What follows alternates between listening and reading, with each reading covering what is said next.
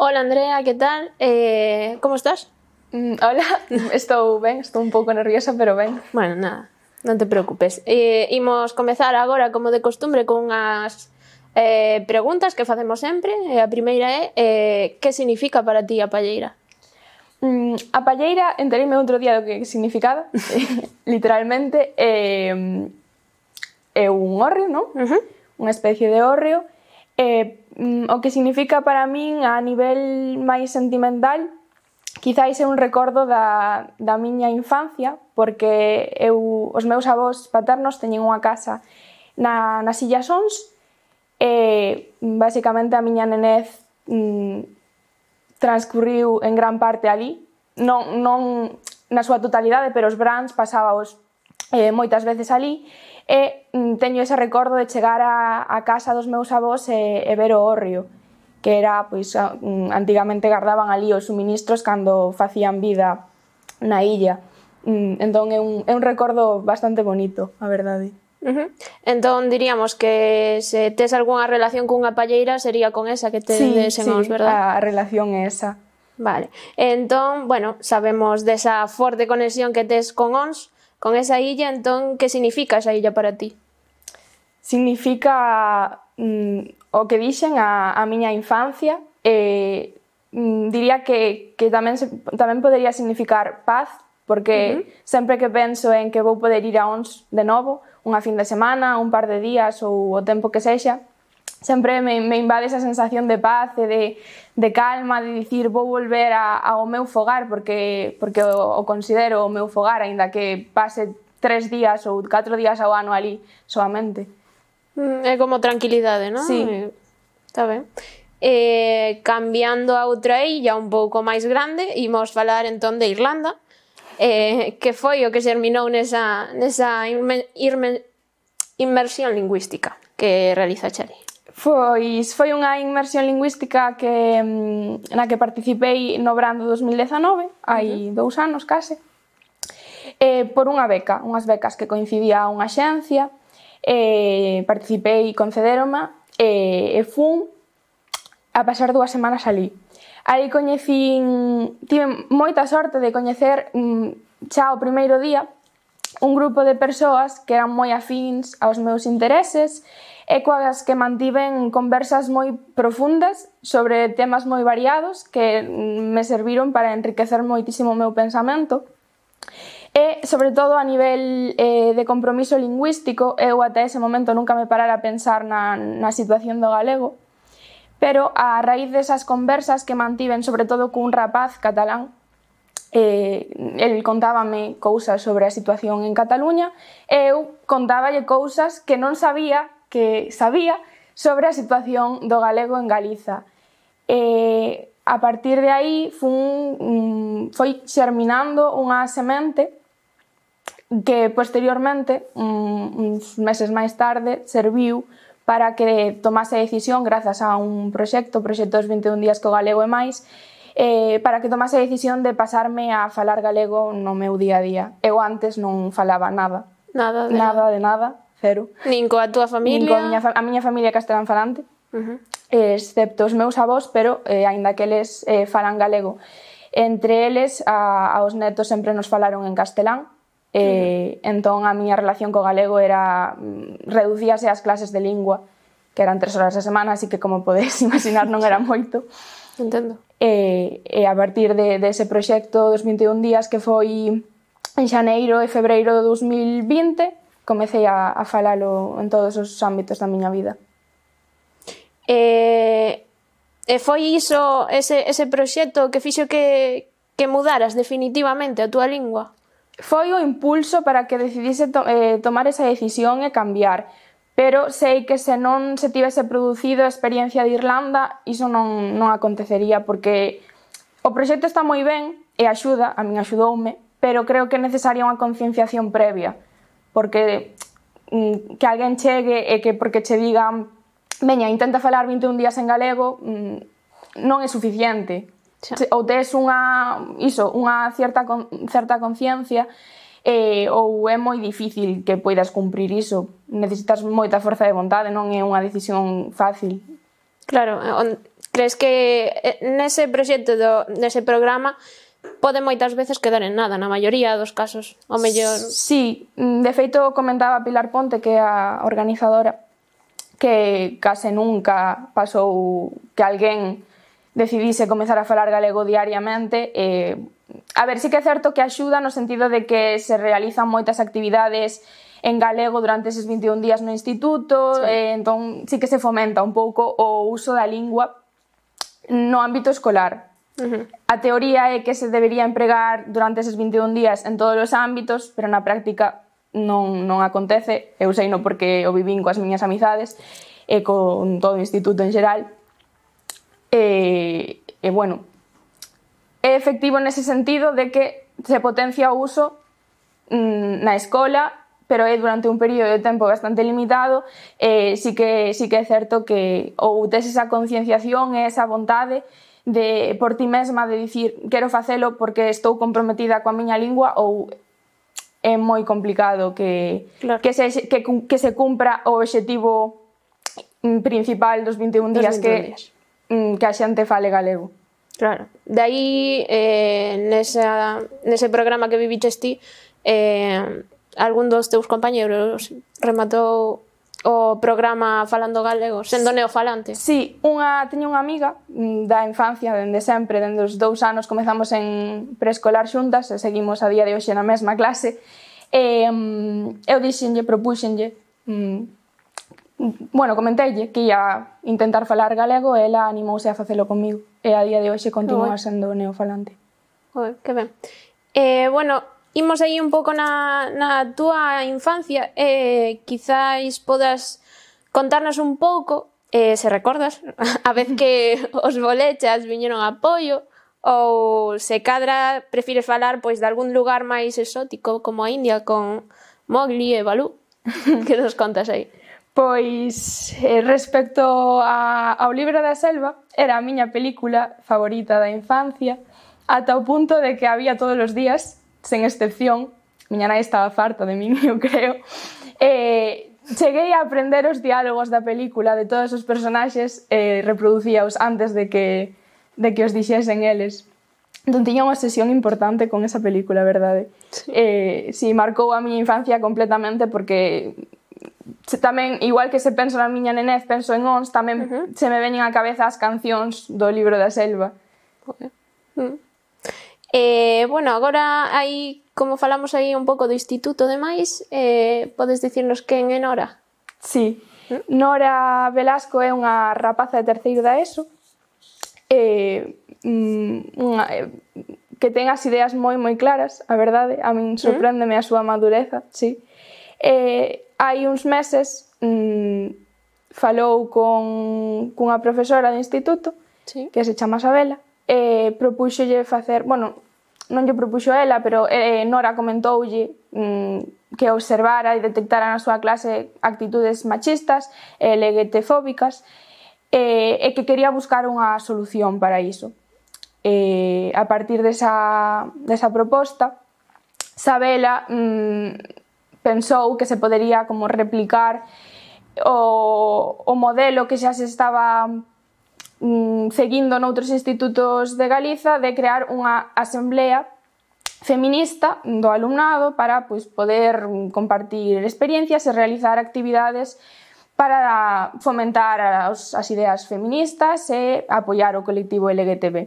Eh, comezaron a preparalo entre as dúas, eh, mm, buscaron xente que formase parte do colectivo ou que apoiase o colectivo e a iso dun mes pois lanzaron por fin a a, a idea a, ao público e formouse unha asamblea que é a primeira asamblea feminista LGTB que hai no Instituto de Pollo. E todo foi grazas a, a Nora, así que mm, se, agora mesmo temos este grupo e grazas a ela principalmente. Tamén a Sabela porque motivou todo, pero se non fose por Nora sería imposible.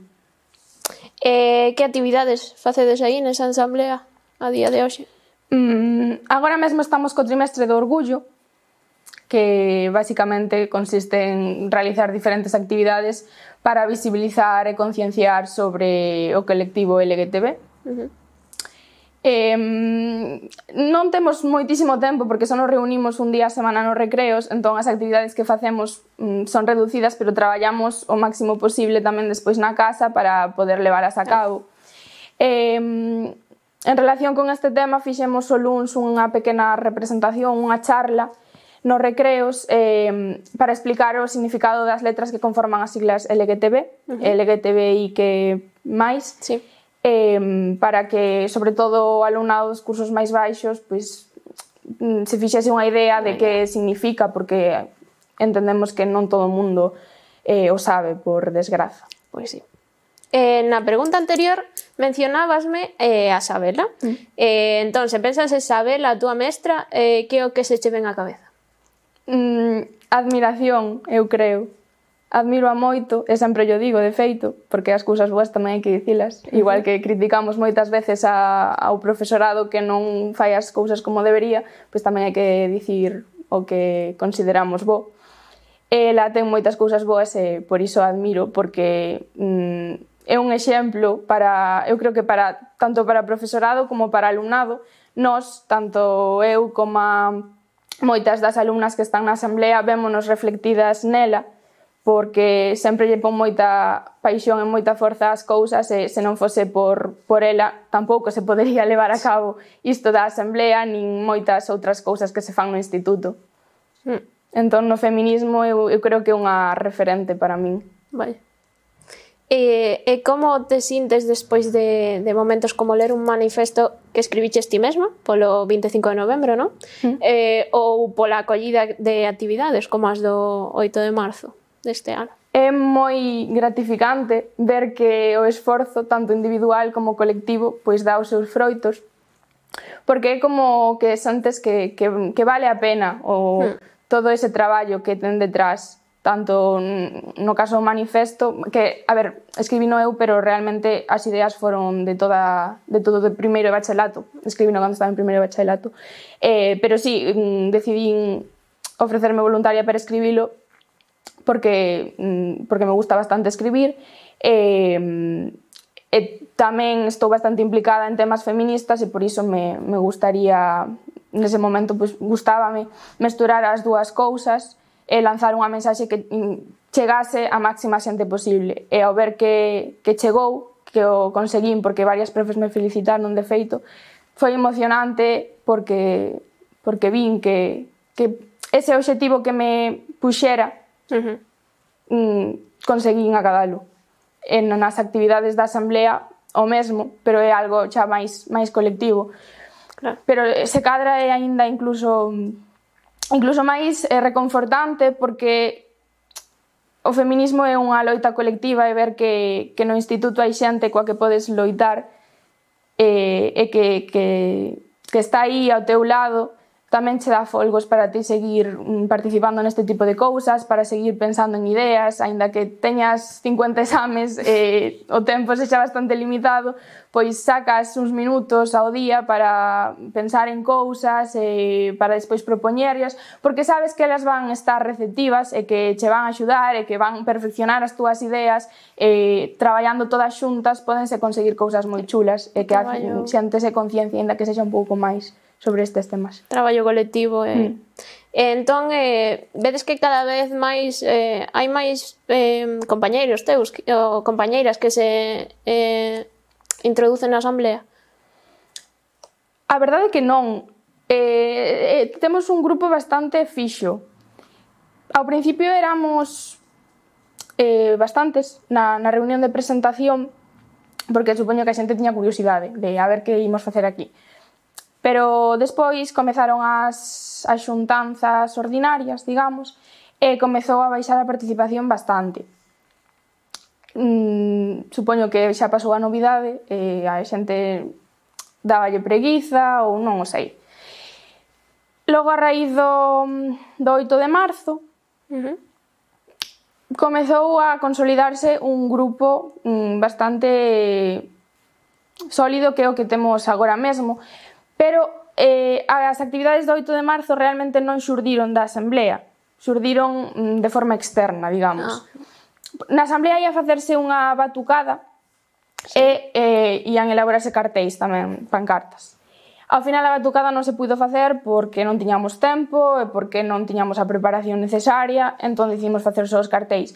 Que pasa? Que a, agora vou mencionar outra das miñas compañeiras que é María Calvo uh -huh. dáballe pena non facer nada ningún acto especial polo 8M no instituto porque ela quería ir á concentración pero claro, non, non por o tema COVID pois decidiu non ir Complicado. entón mm, falou con Sabela e dixolle pensa, pensa algo para facer no instituto podes, podemos mm, darlle unha volta e tal entón María falou comigo porque, bueno, sabe que eu tamén estou implicada nestas cousas e así, e eh, entre as dúas pensamos en elaborar uns textos que non fosen realmente manifestos, porque manifestos xa fixeramos o ano anterior, entón para cambiar un pouco. Eh, uns textos máis ben mm, uns relatos sí. que plasmasen diferentes situacións machistas para denuncialas a través eh, desas, desas narracións. Entón fomos falando con falamos con dúas rapazas máis, con Nora, por ser a organizadora da asamblea, e con outra rapaza que tamén se chama María, e entre as catro fixemos un grupo que non nos levábamos todas moito ata ese momento, pero claro. nese intre comezamos a, a crear un grupo moi guai. Claro, só desde cursos diferentes sí, e demais entón. Sí, e, eh, comezamos a elaborar os textos, repartimos os temas, eh, fomos escribindo, xuntándos todos, E fomos pasando a Sabela tamén para que correxise así. E decidimos tamén eh, facer algo máis que englobase a todo o mundo, a todo que, a todas as persoas que quisesen participar, e foi cantar unha canción, eh, traduci, eh, que o que, mm, lo que es nuestro, de Natalia e Lucía Gil, nós traducímola ao galego. Adaptámola e mm, a partir de aí, cando xa estaba toda a idea perfilada, así que xa o transmitimos á Asamblea. En a Asamblea comezamos a eh, ensaiar, a mm, mirar os textos tamén para ver como quedaban e seguimos elaborando cartéis. Eh, a verdade é que saiu moi ben, todo do 8M, e grazas a iso, grazas a ese éxito que tivo a actividade, consolidouse o grupo que temos agora. De, somos 20 persoas, no grupo de Telegram que temos para organizar as cousas somos 20 persoas, creo, pero as reunións que acudan asiduamente debemos de ser 15 ou un pouco menos é, é moi interesante ver, o sea, como como construídes e demais. É moi interesante. Eh, pero como como crees que percibe a xente o vosso traballo? Aí sobre todo no instituto que, bueno, creo que está moi ben recibida por parte de moito profesorado, porque sempre felicitan a Sabela ou felicitanos a nós directamente. Uh -huh eh, hai moitas profes que din que era moi necesario isto, e eh, apláudennos por todo o que estamos facendo, e iso está moi ben, Por parte do alumnado, mmm, creo que a xente pasa un pouco do, do que facemos. Mm, temos unha conta de Instagram, aí imos publicando as novidades, e hai moitas persoas que non se enteran, a pesar de que seguen a, a conta. De feito, teño amigas que, que non se enteraran de que facíamos un concurso fotográfico ata que o mencionei eu nunha conversa porque sí. E, claro, a min isto faime pensar, jova, estamos mm, matándonos aquí a tratar de difundir as mensaxes, as actividades que facemos para que chegue a todo o mundo e a xente non lle fai caso. Pero bueno, iso desmotiva un pouco. Pero logo tamén ves que cando facemos eh, este tipo de actos de ler textos ou charlas e, e así, ou coa da canción do 8M, ves que a xente sí que está atenta, porque inevitablemente estás no recreo, escoitas claro. a xente falar, ao principio igual pensas que que están facendo estas tolas, pero algo de atención prestas e iso, pois está ben que a xente escoite, aínda que sexa un pouco involuntariamente. Sí, sí, a verdade que sí. Eh, bueno, eh, saindo aí un pouco dese tema, colaboras en un programa de radio eh, recomendando cancións en galego, sí. verdad? Entón, podería recomendarnos unha agora mesmo, así, que se che veña que... Ah, unha, pois, Ou calquera, calquera do último álbum dos Berto, uh -huh. que, que eu creo que é o meu grupo favorito ou dos meus grupos favoritos de música en galego. Eh, gústame moito que pensas, por exemplo, pero calquera, a verdade, é que fixeron un traballo genial nese álbum. Uh -huh. eh, as redes sociais eh, ocupan hoxe en día un, un, unha gran parte da nosa vida. Entón, hai algunha persoa ou algunha conta que crees que todo o mundo debería de seguir? Eh, gústame moito. Eh, Eugenia non me lembro de como se dio o seu apelido porque é un pouco mm, raro. Tenenbau mm, ou algo así é que non, non, non recordo o apelido. Pero eh, é unha activista eh, feminista que é galega pero reside en Madrid. Mm. e os contidos que comparte son en castelán pero está moi ben porque fai reflexións moi profundas e moi interesantes sobre diversos temas están todos eh, relacionados co feminismo, pero non son exclusivamente sempre o feminismo en sí. Relaciona, eh, vincula a loita feminista eh, con outro tipo de, de cuestións sociais. Entón, é interesante as reflexións que fai. Ademais, ela é historiadora da arte, eh, está especializada en perspectiva de xénero revisión uh -huh. da, da historia da arte con perspectiva de xénero e tamén comparte este tipo de contidos. Eu aprendo moitísimo de todo o que, o, o que explica, a verdade. Uh hmm. -huh. Agora mesmo estás en segundo de bacharelato, non? Eh, que crees que o que lle espera a Andrea do futuro? pois espérame ir á universidade en Santiago, mm. supoño, porque as carreiras que me gustan son están ali. Te lo claro aí niso? Sí, porque quero estudar física ou o dobre grado de mates e física, aínda non o sei. En principio física. Está en Santiago, entón feliz porque teño moitas sí. ganas de vivir en Santiago. Todo o mundo que vive ali sempre me di, "Guai, que vas vas pasalo genial aquí, vai ser o teu." Entón, pois, pues, estou desexando ir a ver se non me decepciona. Bueno. E ali intentarei seguir metida nestas cousas, que ao final é o que máis emoción lle aporta a miña vida porque é o que me move. Hmm. Eh, canto tempo levase a coa idea de estudar física? Ou decidíchelo agora? Mm, non, levo varios anos, dende terceiro da ESO. En terceiro comezou a gustarme moito a materia de matemáticas porque tiven un profe moi moi guai. Ao, ao principio, en primeiro, segundo da ESO, así, pois, as matemáticas sen máis, non me encantaban, tampouco as odiaba, pero... Eh, en terceiro, pois, este profe fixo que, que me encantasen. E a partir dese momento empecé a querer estudar matemáticas. Logo, en cuarto, descubrín a física como a tal, porque en terceiro dase unha introducción, pero sí. case nada. E tamén me gustou moito, e, e foi cando se me ocorreu a idea do dobre grau, que non, non é moi antigo, creo. No. E, e estive con esa idea pois estes tres anos, pero agora en segundo pois empecé a, a dubidar de se facelo ou non, porque ten moitas críticas incluso profesores da universidade que din que ten ten as súas desvantaxes, entón teño que facer aí unha listaxe de pros e contras e, e ver se me compensa ou non, porque, claro, a ver, son dúas carreiras en cinco anos, non son carreiras fáciles e tampouco quero morrer polo camiño, entón... sí, xa o tes aí a volta da esquina, sí. xa queda nada. Eh, bueno, e rematando así un poquinho xa coa entrevista, agora eh, a pregunta que facemos sempre, que gardarías na tua palleira? Pode ser algo físico, algo sentimental, o que se che veña así a cabeza. Que gardaría a miña palleira. É complicada. ¿eh? Sí, é, é difícil, así de repente. Pode ser... Mm, gardaría as experiencias, eu creo, que me fixeron ser como son agora. Mm. E, e iso inclúe Irlanda, porque unha parte importante da persoa que son pasa por Irlanda. O feito de cambiar a lingua eh, fíxome cambiar como persoa tamén, evidentemente. Entón, eh, guardaría a experiencia de Irlanda, guardaría os recordos da miña nenez, sobre todo en Ons, porque tamén me marcaron e a relación, ese vínculo que teño agora con, con esa illa, e, es, coa miña familia paterna, pois está moi ligada a todo o que vivín cando era pequena, entón tamén guardaría iso. E eu creo que, que tamén estas experiencias no instituto, sobre todo nestes últimos anos, a xente que coñecín, quizáis, que, que igual non me marcou tanto de forma individual, pero sí as vivencias que tiven con esas persoas en, sí, en conxunto e, e así a asamblea e, e ese tipo de cousas que foron integrándose eh, na miña vida pouco a pouco. Pois moitas grazas, Andrea, por querer estar aquí hoxe, encantoume a entrevista. Eh, un placer estar hoxe contigo. O mesmo digo, moitas grazas.